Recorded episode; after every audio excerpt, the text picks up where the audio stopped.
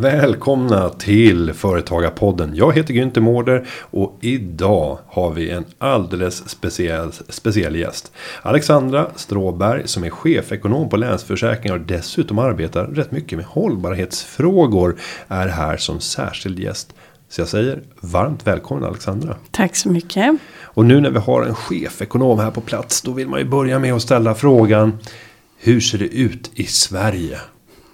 Ja, hur ser det ut i Sverige? I ett ekonomiskt perspektiv. Kommer ja. det fortsätta tuffa på? Det har ju varit fantastiska tider. Ja, men det har ju varit fantastiska tider och det ska vi vara väldigt glada för. Eh, det kommer fortsätta tuffa på, men i en lägre takt. Det vi ser just nu är faktiskt en avmattning i svensk ekonomi. Och det är en avmattning som är i vissa delar och inte i andra delar. De delarna som ser mattas av, det är ju framför allt bygginvesteringarna som eh, har taktat ner vi ser också att offentlig konsumtion är lite lägre. Det som är däremot är bra det är ju att konsumenterna är glada. De handlar och de har sina jobb kvar. Och tittar vi på reformer som kommer från politiskt håll så har det varit rätt fattigt än så länge. Det kom ju ett jobbskatteavdrag som betyder rätt mycket här vid årsskiftet i KDM-budgeten. Eh, vårändringsbudgeten inte speciellt mycket även om det var mer ändringar än vad det brukar vara. Men sen kommer en höstbudget kan vi förvänta oss att det blir stora så här, omfördelningseffekter på grund av nya typer av skatter till, till hösten? Det är möjligt. Alltså det man kan se, även om vårbudgeten, det kom ju ingenting liksom. Men på något sätt är det ändå en signalbudget, det vill säga man eh, visar på vilka områden som man vill prioritera nu till hösten skulle jag säga. Jag tror en sån sak som jag tycker att de eh, kanske borde ha lagt mer krut på i vårbudgeten som jag hoppas kommer till höstbudgeten. Det är att öka integrationen på arbetsmarknaden. Jag tror att vi kan förvänta oss en fortsättning av klimatåtgärderna. För det verkar de ha fokuserat på. Men jag tror också att fortsätta det här inflödet på arbetsmarknaden. Och en sak som vi vet enligt januariavtalet är ju att första januari då ska värnskatten försvinna. De här, eh, nu kanske det blir lite politiskt när jag säger den förhatliga 5-procentiga extra skatten på riktigt höga inkomster. Som av eh, många ekonomiska bedömare har ansetts vara helt ineffektiv. Och att det kanske till och med kostar mer än det smakar. Om det kan vi säkert debattera mycket. Men vi vet att den kommer att komma. Eh, om man inte ska bryta avtalet. Det innebär ju att vi får en stor grupp människor i Sverige som kommer få väsentligt mycket mer i plånboken efter första januari. Vad kommer hända kopplat till svensk ekonomi efter det? Ja, alltså den värnskatten är ju intressant som sagt av politiska skäl. Det har ju varit en, den här höginkomstskatten. Men det är klart att om eh, människor. Det är ju vanlig nationalekonomisk teori kan man väl säga. Om, pengar, om man får mer pengar i plånboken så kommer man också att investera mer eller konsumera mer. Men det beror också på vilket läge vi är rent ekonomiskt om man tittar på eh, var befinner vi oss i konjunkturen. Därför att nationalekonomi är inte bara mycket teori utan det bygger också på människor och människors beteende utifrån olika förutsättningar. Vi kan bara tänka på oss själva. Eh, när det stökar till i omvärlden, vi kan ta 2008 som exempel med Lehman-kraschen eller vad det än må vara. Så är det så, vad gör man då som privatperson? Jo, man avvaktar. Är man osäker så avvaktar man helt enkelt. Och det är därför det inte bara handlar om mer pengar i plånboken. Det handlar också om vilka förutsättningar som finns för att spendera de här pengarna. Och om man vågar spendera de här pengarna. Sen finns det ju en politisk kritik mot den här typen av skattesänkningar. För att eh, då hävdar de som tycker att det är en dålig idé. Att de här människorna som kommer få de här extra tusenlapparna i plånboken. De har så höga inkomster så de kommer inte öka sin konsumtion. För den ligger redan på en, på en bra hög nivå. Utan de kommer istället bara öka sitt sparande. Hur mycket ligger i sådana typer av kommentarer? Så jag tror att det är klart att det kan ligga någonting i det. Vi kan inte utvärdera vad alla personer kommer att göra. Men då måste man titta också vilket sparande som är lönsamt att göra. Eh, och som sagt om man vågar konsumera. Det är samma sak där. Är du osäker, det vill säga du kanske inte vågar köpa den här eh, elbilen eller någonting annat. Då är det klart att du ser, ja men då kanske jag sparar pengarna för senare konsumtion. Det är ju att ett sparande är ju att senare lägga sin konsumtion. Och om man funderar just över, över konsumtionen. Eh, så brukar man säga att eh, när en eh, låginkomsttagare eller en barnfamilj som inte har eh, stora marginaler får en extra tusenlapp. Då används det effektivt i ekonomin. För de där kommer omedelbart att gå ut och börja snurra i hjulen. För det handlar ju någonstans om att pengar ska användas. Eh, och ska senare läggas i de lägen. Om vi ska senare lägga konsumtionen i de lägena där vi kan minska riskerna i, i samhället. Då är det effektivt. Men tror du att vi kommer att få se olika typer av omfördelningspolitik här till hösten för att balansera till exempel den här sänkningen av värnskatten. För man har också sagt i januariavtalet att klyftorna ska inte öka. Mm. Och det här kommer definitivt att leda till om man mäter ett ekonomiskt perspektiv att ja, inkomstklyftorna kommer att öka när vi tittar på disponibel inkomst. Då borde det komma annan politik också. Ska vi vara rädda för det? Var rädda för det beror på om du är en barnfamilj eller om du är en höginkomsttagare. Men om du är en barnfamilj så det är klart att då behövs de här sista tusen kronorna till löpande konsumtion därför man kan ha det rätt tufft. Och det tror jag, jag tror att du har helt rätt. Jag tror också man kommer se någon typ av omfördelningspolitik. Vi kan redan se det med tanke på att man ville föra in den här um, man fick vara hemma extra i tre dagar eller något liknande.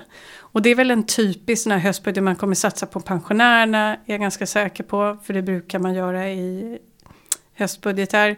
Eh, och barnfamiljerna. För man vill inte, som du säger, se den här, även om vi i Sverige har en ganska liten inkomstskillnad generellt sett. Sen finns det också en annan logik för er som inte är politik, eh, politiknördar. Men då är det ju också så att de första två budgeterna. Där brukar man ju ofta ta de tråkiga sakerna. För att sen spara till eh, den tredje och framförallt när man går in i valrörelsen. Då vill man ge alla sockrade reformer och kasta köttbenen till väljarna. Det är väl någonting som skulle kunna tala emot att man gör de här stora satsningarna på pensionärer. För det kommer bli rätt kostsamt om vi sänker skatterna rejält på. Ja, möjligt. Ehm, men jag, av de skälen som vi har pratat om. Dels så har vi, trots den här avmattningen, så har ju Sverige en ganska stark ekonomi generellt sett. Och vill man då inte ha de här enormt stora inkomstklyftorna då måste man göra någonting helt enkelt.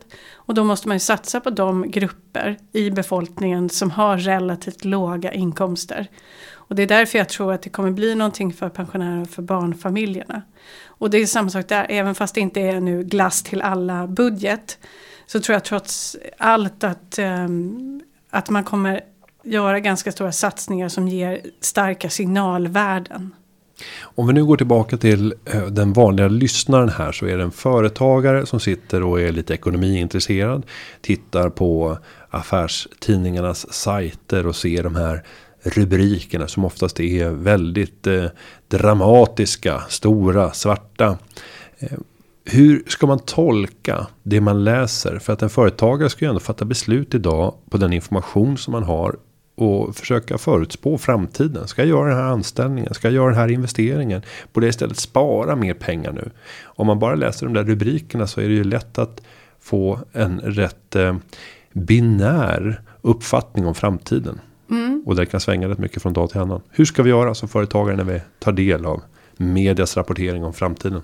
Ja, som företagare, ja, tyvärr så kommer, nu kommer, dels kommer resonemanget ta lite tid, men det är också så att man behöver lägga lite tid på det här, för jag tycker mm. att det är ett viktigt område. Eh, om vi tar till exempel, vi kan ta en, en jämförelse. Eh, du går in på Spotify och de säger att här är din favoritlåt, för jag vet vad du lyssnade på förra gången. Du går in på någon bokhandels hemsida och de säger nu har en ny del i den här serien som du eh, brukar läsa kommit. Eller om du går in på en klädsajt så är det samma sak. Nu har vi fått in nya klänningar av det här märket eller vad det må vara. Och det betyder att din smak hela tiden bekräftas. Eh, men vad som sker då att den, det är att den aldrig utmanas. Och om vi tar det, på, på samma sätt fungerar ju algoritmerna då som vi faktiskt pratar om när du läser fakta eller nyheter. Det är precis samma sak. Att det du tror dig veta om världen, det bekräftas hela tiden och det utmanas inte. Och det där är jätteklurigt när det kommer till fakta därför att det gör att, att ansvaret på oss som eh, privatpersoner och företagare eh, det blir mycket, mycket större på att leta sig bakom de här rubrikerna. Vad är det som talar emot det här argumentet? Därför att rubrikernas metodik är ju snarare att få allting till enkelt eller svårt eller det är bra eller det är dåligt. Det är väldigt polariserat. Och sanningen är ju oftast mitt emellan. Och det är det jag menar, det där är klurigt och det tar tid. Men jag tror att det är någonting som man faktiskt måste utmana sig själv till att faktiskt göra. Och om man tittar på en sån faktor som påverkar väldigt många så är det ju bopriserna. Och jag tror även att bopriserna påverkar den enskilda företagaren i synen om framtiden och benägenheten att ta risk. Vi har haft närmast en obruten uppgång på bostadsmarknaden sedan 1994. Några små jack men knappt märkbara. Eh, nu rapporteras det ibland om att vi kan få komma att se sättningar på 20-25%. Det här skulle ju för många få förödande konsekvenser.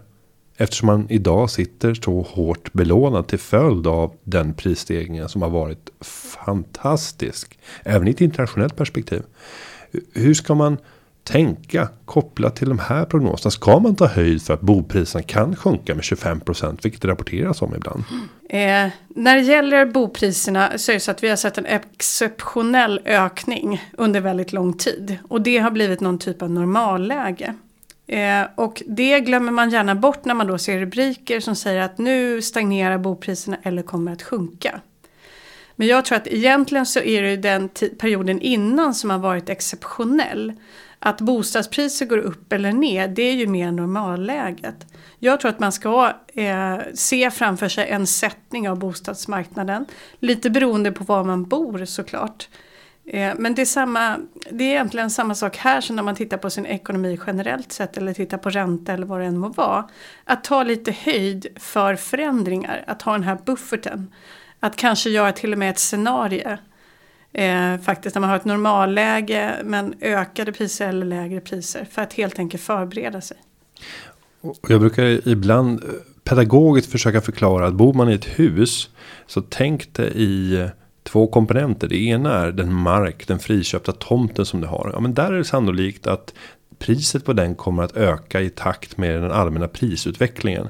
Sen kan det vara skillnader beroende på om din mark råkar vara attraktiv eller inte. Är det väldigt många som flyttar in, ja då kan du kalkylera med att markpriserna stiger lite mer. Sen har du objektet, själva huset. Där ska du titta på hur mycket kommer värdet att förstöras på det här huset varje år till följd av ditt nyttjande. Och då kan du se i grundkalkylen hur mycket måste jag fylla på med varje år för att bara vidmakthålla skicket. Och då får du en känsla för vad är månadskostnaden för att vidmakthålla den här investeringen. Och i botten så har du marken som kan stiga. Det är ju inte många som tänker på det här sättet att kalkylera med att bostaden successivt ska sjunka i värde. Eh, och kanske inte kompenseras av stigande markpriser. Men gör man det då behöver man inte vara lika orolig. Det är min känsla. Nej men det är klart att, och tänker man på huset som en bil. Mm. Så där vet vi att värdet sjunker med nyttjande och det går ganska snabbt. Så fort vi stoppar nyckeln i dörren så har vi tappat 10-15 procent. exakt. exakt, så det kanske det man skulle tänka på när det gäller sitt hus också. Men jag tror inte att man gör det. Dels, alltså i ärlighetens namn. Det är inte så himla kul att tänka på det här. Mm. Alltså det är ju... Är det bara jag som är störd? Ja, lite kanske. Nej, men jag tror att just sådana här saker som är lite tråkiga. Mm. Eh, det, det tenderar man ju spendera ganska lite tid på. Vem går runt och liksom gnolar och gör hoppsasteg och tänker på sin pension till ja. exempel. Det är inte så många, inte ens du tror jag. Eh, så att jag tror att det är svårt att liksom hitta det här läget när man bara, gud vad spännande, idag ska jag titta på hur mycket mitt hus kommer att gå ner i värde mm. varje år. Men jag tror tyvärr att det är sådana tråkigheter man måste göra som vuxen. Men om vi nu tittar på en faktor som är avgörande både för bopriserna och för mig som företagare om jag ska göra investeringar. Det är ju räntan. Nu har Riksbanken höjt räntan från minus 0,5. Jag trodde aldrig att det skulle vara möjligt att vi skulle ha minusränta i Sverige om du hade frågat för för tio år sedan eh, till minus 0,25 och förra veckan så var man ute och sa att nej, nu sänker vi räntebanan här lite grann och säger att vi kommer nog få se den här räntan lite längre tid. Men så pratar man ofta om en normalränta. Tidigare så var den ofta 4-5%. Och det var alltid så när man tittade på Riksbankens prognos. Att i slutet av den här räntebanan som är en prognos för framtiden. Så landar alltid räntan på den där magiska 4%. Det gör den inte längre. Men den går alltid upp i slutet av perioden. Och gärna ganska långt bort i perioden. Ehm, och det gör man ju, säger man ju även nu. Att räntan kommer att stiga upp mot kanske en 2%. Ska vi bygga våra antaganden på att vi kommer att få se. För det, det är ju ändå Om man skulle mäta det i procent räknat en ganska stor ökning. Från minus 0,25 mm. så blir det ganska svårt att räkna procenten upp till 2% i reporänta. Mm. Vilket i det verkliga samhället betyder helt andra räntesatser för dig och mig. Men ska vi bygga en kalkyl på att räntorna inom de kommande fem åren kommer att ha gått upp mot en 2%? Mm, det där är ju en lurig fråga. Jag tror att det Riksbanken håller på med just nu det är ju att det brukar vara så här att om man har en god konjunktur då kan man ha eller har man höga räntor och en dålig konjunktur då kan man hjälpa till genom att sänka räntorna. Det är så det funkar. Problemet är att nu har vi haft en minusränta när det har varit god konjunktur. Då blir det rätt klurigt därför att då vill man ju då kunna sänka den när det blir lite sämre. Och som jag sa tidigare så har vi ju en avmattning i ekonomin och egentligen så vill ju Riksbanken då liksom kunna ha höjt den tillräckligt mycket så man kan sänka den igen. Eh, och jag tror att det kommer vara svårt med tanke på avmattningen. Jag tror att Riksbanken är jättesugna på att höja räntan upp till noll åtminstone. Och det vill man gärna göra. Det kanske man gör under första halvåret 2020. Någonstans där. Eh, men de har inte så mycket på fötterna för att kunna göra det. Därför att då krävs det ju att inflationen är liksom runt 2 den är väl lite under nu. Och det krävs också att vi har bra konjunktur. Eh, och det har vi inte. Så att det här är lurigt. Och det är klart att tidigare så pratade man om ja, 4 var normalläget. Och det känns som att det är väldigt lite som är normalläge nu för tiden, generellt sett. Så jag tror att ja, de vill ha upp den till 2% men det krävs ganska mycket för att de ska komma dit. Så jag tror vi kan vänja oss vid låga räntor en tid framåt. Eh, men jag tror inte vi ska vänja oss vid att de ligger liksom minus och på noll. Utan jag tror att vi får ju räkna med att de ligger på plusläge. Sen brukar man ju säga att börsen är en bra indikator på vad som komma skall. För där handlar man ju på framtida utdelningar och framtida värden. Om man då ser på börsen egentligen de senaste drygt två och ett halvt åren så har den gått sidledes. Men sen har det hänt någonting nu sen egentligen början av det här året. Och den har dragit iväg och nått nya toppar. Där man egentligen trodde att det skulle kunna ha varit. Att vi nu hade varit uppe och toppat, den fick toppkänning och sen att vi nu var på väg neråt. Eh, men nu såg det ut som att den fick ny fart. Vi hade rekordrapporter. När eh, flera av, av bolagen redovisade sina Q1. Volvo, det var närmast en, en eh, karnevalstämning om man bara läste på det som hade varit. Men i flera av de här bolagen som man nu tittar på så är ju orderingången rätt svag. Den går ner betänkligt jämfört med hur det såg ut innan. Och det brukar ju vara en sån där tecken på att nu är det kanske en, en överhettning. Skulle du bygga en, en kalkyl framåt på att vi kommer att få se väsentligt sämre tider? Det beror lite på. Och det som är klurigt när man tittar på ekonomin. Det är ju en sak att titta på konjunkturen om allting går som det ska. Det vill säga någon typ av normalläge. Och när man tittar på företagens rapporter så håller jag med. De var sjukt starka. Alltså enormt starka. Och många av de här är ju stora exportföretag. Och då måste man ställa sig frågan. Okej. Okay, hur mycket av den här framgången är då på grund av operationell framgång? Och hur mycket hjälp har de fått av kronförsvagningen? Och det är svårt att klura ut men jag tror att man ska vara lite försiktig när man tolkar de här resultaten. Eh, och, det, och sen så är det den andra delen då som är lite tuffare att göra någon typ av prognos på.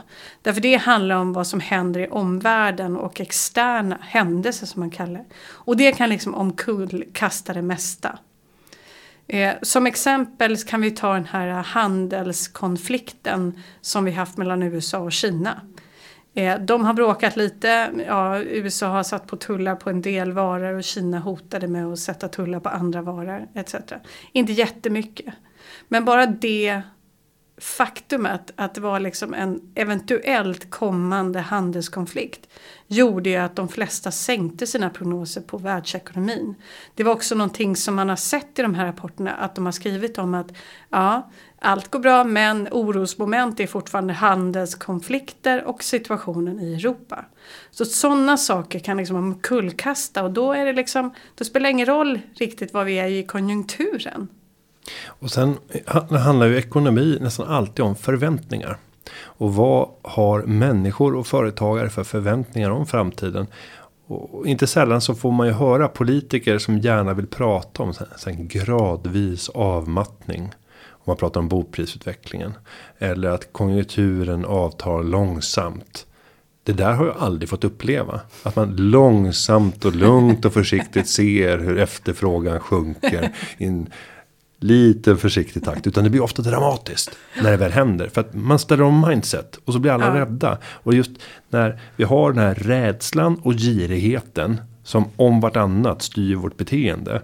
Eh, är, är det inte en stor risk att när vi har haft en så här lång rad år av uppgång. Både när det gäller den faktiska ekonomin om vi ska mäta som BNP, börsutvecklingen, boprisutvecklingen. Att vi står i, i ett ganska högrisk eh, moment just nu. Där förändrade förutsättningar när det gäller våra förväntningar om framtiden snabbt skulle kunna få många delar i ekonomin att snabbt falla tillbaka. Mm. Jo, de där faktorerna är klart. Men de samverkar ju också. Det är på något sätt de här goda cyklerna som liksom föder varandra på samma sätt. Och därför går så snabbt när det går åt andra hållet. Därför det, är liksom, det ringar på vattnet åt andra hållet.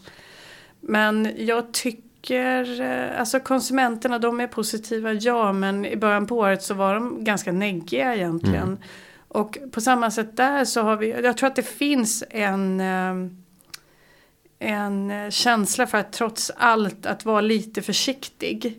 Ändå, trots att vi inte ser det riktigt i siffrorna, börsbolagen går bra, man skuldsätter sig. Så tycker jag ändå att det finns en större förståelse för, för vad externa händelser ändå kan göra med ekonomin och med företaget eller med bostadspriserna. Så jag tror inte att, att man är så naiv kanske som vi kan tro. Sen så är det klart de här följdeffekterna, så länge det går bra, du har jobbet kvar till exempel, så är det klart att du vågar göra mer saker. Eh, och ordrarna kommer in. Men som du säger, om ordrarna börjar minska, då finns det ju någon typ av eh, känsla för att okej, okay, det finns någonting här framåt kanske. Och jag tror inte att varken företagare eller konsumenter är så naiva som vi kanske kan tro om när, när jag pratar med mina medlemmar så uttrycker de flesta att svårigheten just nu på marknaden det är att hitta rätt personal. Jag kan mm. inte rekrytera och anställa de som jag behöver för att leverera på den efterfrågan som jag har. Och samtidigt så ser vi att arbetslösheten den trycks inte tillbaka på det sättet som man kanske skulle tro om det då råder en så stor brist på arbetskraft. För det verkar vara en helt annan typ av arbetskraft mm. som man behöver än den som de som idag mm. är arbetslösa. Är det ens sannolikt att tro att vi kommer få se arbetslöshetstal som skjuts ner från idag kring 6% lite drygt ner mot 4 vilket vi har haft historiskt. Sen beror det på hur man mäter det här också. Men, men är det sannolikt att man kan nå så låga nivåer eller är det här de lägsta nivåerna som en, en svensk ekonomi som den ser ut just idag kan jag, klara? Ja, nej men jag tror nog att vi är på någon typ av eh, så lågt nästan som det kan vara runt 6 procent. Och jag förstår företagens problem därför att den här, det brukar man kalla för matchningsproblematiken. Att det finns ju arbetskraft som finns där men de har inte rätt utbildning. Eh, och det finns personer som vill in på arbetsmarknaden men behöver ganska mycket tid för att kunna komma in på företag. För att Sverige är ju en, en högutbildningsekonomi. Eh, och ganska många av dem som nu står utanför arbetsmarknaden har inte den utbildningsnivå som krävs. Eh, så att det här är ju klurigt. hur, hur ska man då bete sig som företagare är också svårigheter att så att säga importera eller ha en arbetskraftsinvandring som är vettig. Det är också svårigheter i det. Eh, sen vet inte jag hur mycket, det är en, en dyrbar kostnad att göra någon typ av internutbildning på företagen men eh, matchningen är svår och vi kan, kommer inte kunna lösa den på kort sikt. Sen kan man då fundera över svensk ekonomi och du pratar om kunskapssamhällen kunskapsintensiv ekonomi. Ja men nu då med kronförsvagningen. Om vi jämför oss med låt oss säga tyskarna. Som har en liknande och pratar verkstadsindustri och är duktiga precis som vi är på det området. Men kostnaderna för våra löner i ett internationellt perspektiv har ju gått ner med 25% till följd av att kronan har försvagats. Kan det bli så att vi börjar konkurrera med pris och inte med kompetens? Kan Sverige komma att bli ett industriellt låglöneland om den här svaga kronan etableras på de här låga nivåerna. Ja, det, det var ju spännande resonemang. Skräckscenario kanske ja. för många. Men... Ja, eh, nej det tror jag inte. Eh, och dessutom när vi pratar om till exempel andra länder som Tyskland nu. Tyskland har ju jätteproblem just nu i ekonomin. Det är en sån här sak som jag oroar mig för. Det, eh, så att jag tror inte att eh, det kommer vara landet att titta på just nu. Utan de ligger risigare till än vad vi gör. Mm. Men jag tror inte det. Jag tror inte det. Jag menar, den här kronförsvagningen, nu tror jag ändå Riksbanken på att kronan kommer att förstärkas på sikt även om den kommer gå väldigt långsamt. Vi behöver få upp förtroendet för Sverige. Eh, och det tror jag, att, menar, vi har ju alla möjligheter att göra det egentligen. Om vi då lämnar svensk ekonomi och förutsättningarna framåt och tittar istället på hållbarhetsdimensionen. För en del inom ditt eh, jobb idag på, på Länsförsäkringar blir också att vara, vad kallar vi det?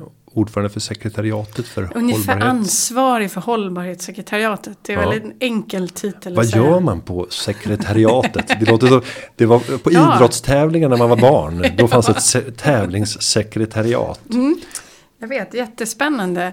Eh, Länsförsäkring är intressant i och med att det är kundägt. Mm. Och därför pratar man också liksom om en federation. Helt enkelt. Även om det låter som Star Trek. Eh, mm. Så pratar man om en federation.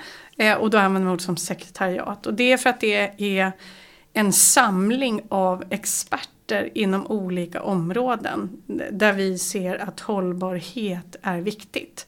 Så i det här sekretariatet då har vi en privatekonom som jobbar med hållbar privatekonomi. Vi har naturskadespecialister. Därför att om du tänker på försäkringsbranschen alla de här naturskadorna som sker på grund av problem med klimatet till exempel hamnar ju till slut i en skada som vi får ta hand om. Så vi har ju extremt mycket kunskap kring det här. Eh, jag har en hållbarhetschef hos mig också, ett gäng makroekonomer som sitter där. Eh, och en som håller på med hälsa, därför hållbar hälsa är ju också en av de här globala målen.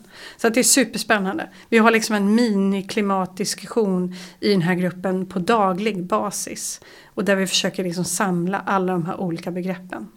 Och om du tar de eh, diskussioner och kunskaper som finns inom den gruppen och tittar på gruppen småföretagare. Vad är det småföretagare idag generellt sett bör fokusera på och göra för att förhoppningsvis stärka sin konkurrenskraft genom att tänka på, ja vad då, inom hållbarhetsdimensionen? Där finns det ju mycket att göra men jag tror att om, jag gissar att om fem år så kommer vi inte prata så mycket om hållbarhet. Eh, jag hoppas det egentligen därför att jag tror att det här kommer vara så integrerat. Jag tror att för alla företagare så handlar det om dels att jobba med sitt hållbarhetsarbete på ett genuint sätt. Tidigare var det lite sådär, eh, generellt sett pratar jag om nu, att det var någon typ av greenwashing. Man ville låta som man var hållbar. Men jag tror att det här har satt sig i personer och i människor och i företagare där det finns en genuin vilja att vara hållbar. Sen är det ett klurigt område. Vi vet inte ens vilken tomat som är rätt att köpa på Coop. Så att det är ju klurigt vad som är hållbart eller inte. Men jag tror att om man tittar på sina leverantörsled, eh, man tittar på sina råvaror och också en stor transparens kring hur man arbetar med hållbarhet tror jag är en jättestark konkurrensfördel. Sen tänker jag också att det viktigaste också det enklaste arbetet att göra det är väl att prata framåt i värdekedjan med sina kunder som konsumerar det du säljer och tillbaka i värdekedjan med dina leverantörer för att också fånga upp vad är trenderna, vad är viljan, vad vill vi åstadkomma, hur vill vi att det här ska se ut. För där i ligger ju många av svaren på de frågor som man kanske har, sig, har inför framtiden. Men om vi tar en grupp och vi kommer att diskutera bland annat handeln och handelns villkor och förändringen av handeln till följd av digitalisering och globalisering. Där e-handeln håller på att transformera om hela handeln. Hur kan man som handlare tänka på hållbarhetsdimensionen och är det en fördel eller en nackdel med det som vi just nu ser? Jag tror att det absolut är en, en stark fördel. Därför att om man tänker kring hela hållbarhetsdimensionen där vi dels pratar om en hållbar tillväxt, vi pratar om hållbar konsumtion och vi pratar om hållbar produktion. Och det innebär ju att trots globaliseringen så innebär det kostnader i termer av, alltså hållbarhetskostnader i termer av hur de här transporteras fördelen med då att vara lokal tror jag är jättestark. Det vill säga visa på en lokal närvaro där man handlar lokalt, man har lokala leverantörer eh, och lokala produkter. Då tror jag att man ligger helt rätt faktiskt. Och sen tänker jag också den här förmågan som man får i det personliga mötet om vi tar den fysiska handeln. Att faktiskt kunna möta konsumenten snabbt göra en analys på, bara genom att titta i, i ögonen på personen när man pratar genom att se när vinner jag intresse hos den här personen för att berätta rätt sak om rätt produkt och leda in dem till de intresseområden som de har. Det där är ju svårare idag i den digitala miljön. För vi måste tänka att med hjälp av algoritmer försöka analysera klick. Men vi ser inte det mänskliga beteendet. Sen kanske det är nära till hands. Nu ser vi att alla nya datorer verkar och alla nya handhållna enheter har dubbla kameror. För att kunna fånga djupet i bilderna. För att kunna göra snabbare analyser kanske. Av våra ansiktsuttryck. Hur vi tittar. Ja den där utvecklingen är också spännande. Men vi ska inte förlänga den diskussionen. utan jag ska tipsa om en sak som händer den 28 maj. För då kan ju den som är fortsatt intresserad av att höra mer om dina tips och eh, råd för att bli en framgångsrik företagare. Bege sig till Clarion Sign i Stockholm där du kommer vara en av huvudtalarna på Företagarna Business Forum. Och om du ska ge någon teaser kring vad vi kan tänkas få höra då. För det kommer vara lite annat inslag än vad vi har diskuterat här. Vad skulle du ge då? Det som är intressant är ju att det händer saker hela tiden i världen. Så det har säkert hänt någonting jättespännande. Men en sak som jag tycker som sammanfattar allt det som vi pratar om. Så att de, oavsett om vi pratar om företagares eh, framgångar eller vad som händer på liksom, den globala arenan. Så handlar allting om relationer. Det vill säga goda relationer skapar god framgång. Och där, då tänkte jag prata eh, kring lite om det konceptet. Och det är ju också en alldeles ypperlig, ypperligt tillfälle att skapa de här relationerna med andra företagare tänker jag. Mm. Ja, det ser vi fram emot och eh, för dig som inte har bokat biljetter än. Gå in på Företagarna Business Forum så kan du signa upp för en biljett och få en hel dag med både ett stort scenprogram från en stor scen där bland annat Alexandra kommer stå och vara en av talarna. Sen kommer det också finnas mängder av miniscener där man får mikroseminarier av mer specialiserat inslag där du kan skräddarsy ditt program för att passa just dig och ditt företagande. Med det, Alexandra Stråberg som är chefekonom på Länsförsäkringar vill jag säga stort tack för att du kom till Företagarpodden. Tack för att jag fick komma. Och härifrån ska vi knyta ihop säcken omedelbart och säga att eh, den här podden har förberetts av David Hagen och klippningen den är gjord av Linda Aunan Edvall. Vi hörs igen nästa vecka. Ha det så gott. Hej då. Företagarna. Ja, ja, ja, ja, ja, ja. Företagarna. Ja, ja, ja, ja, ja, ja.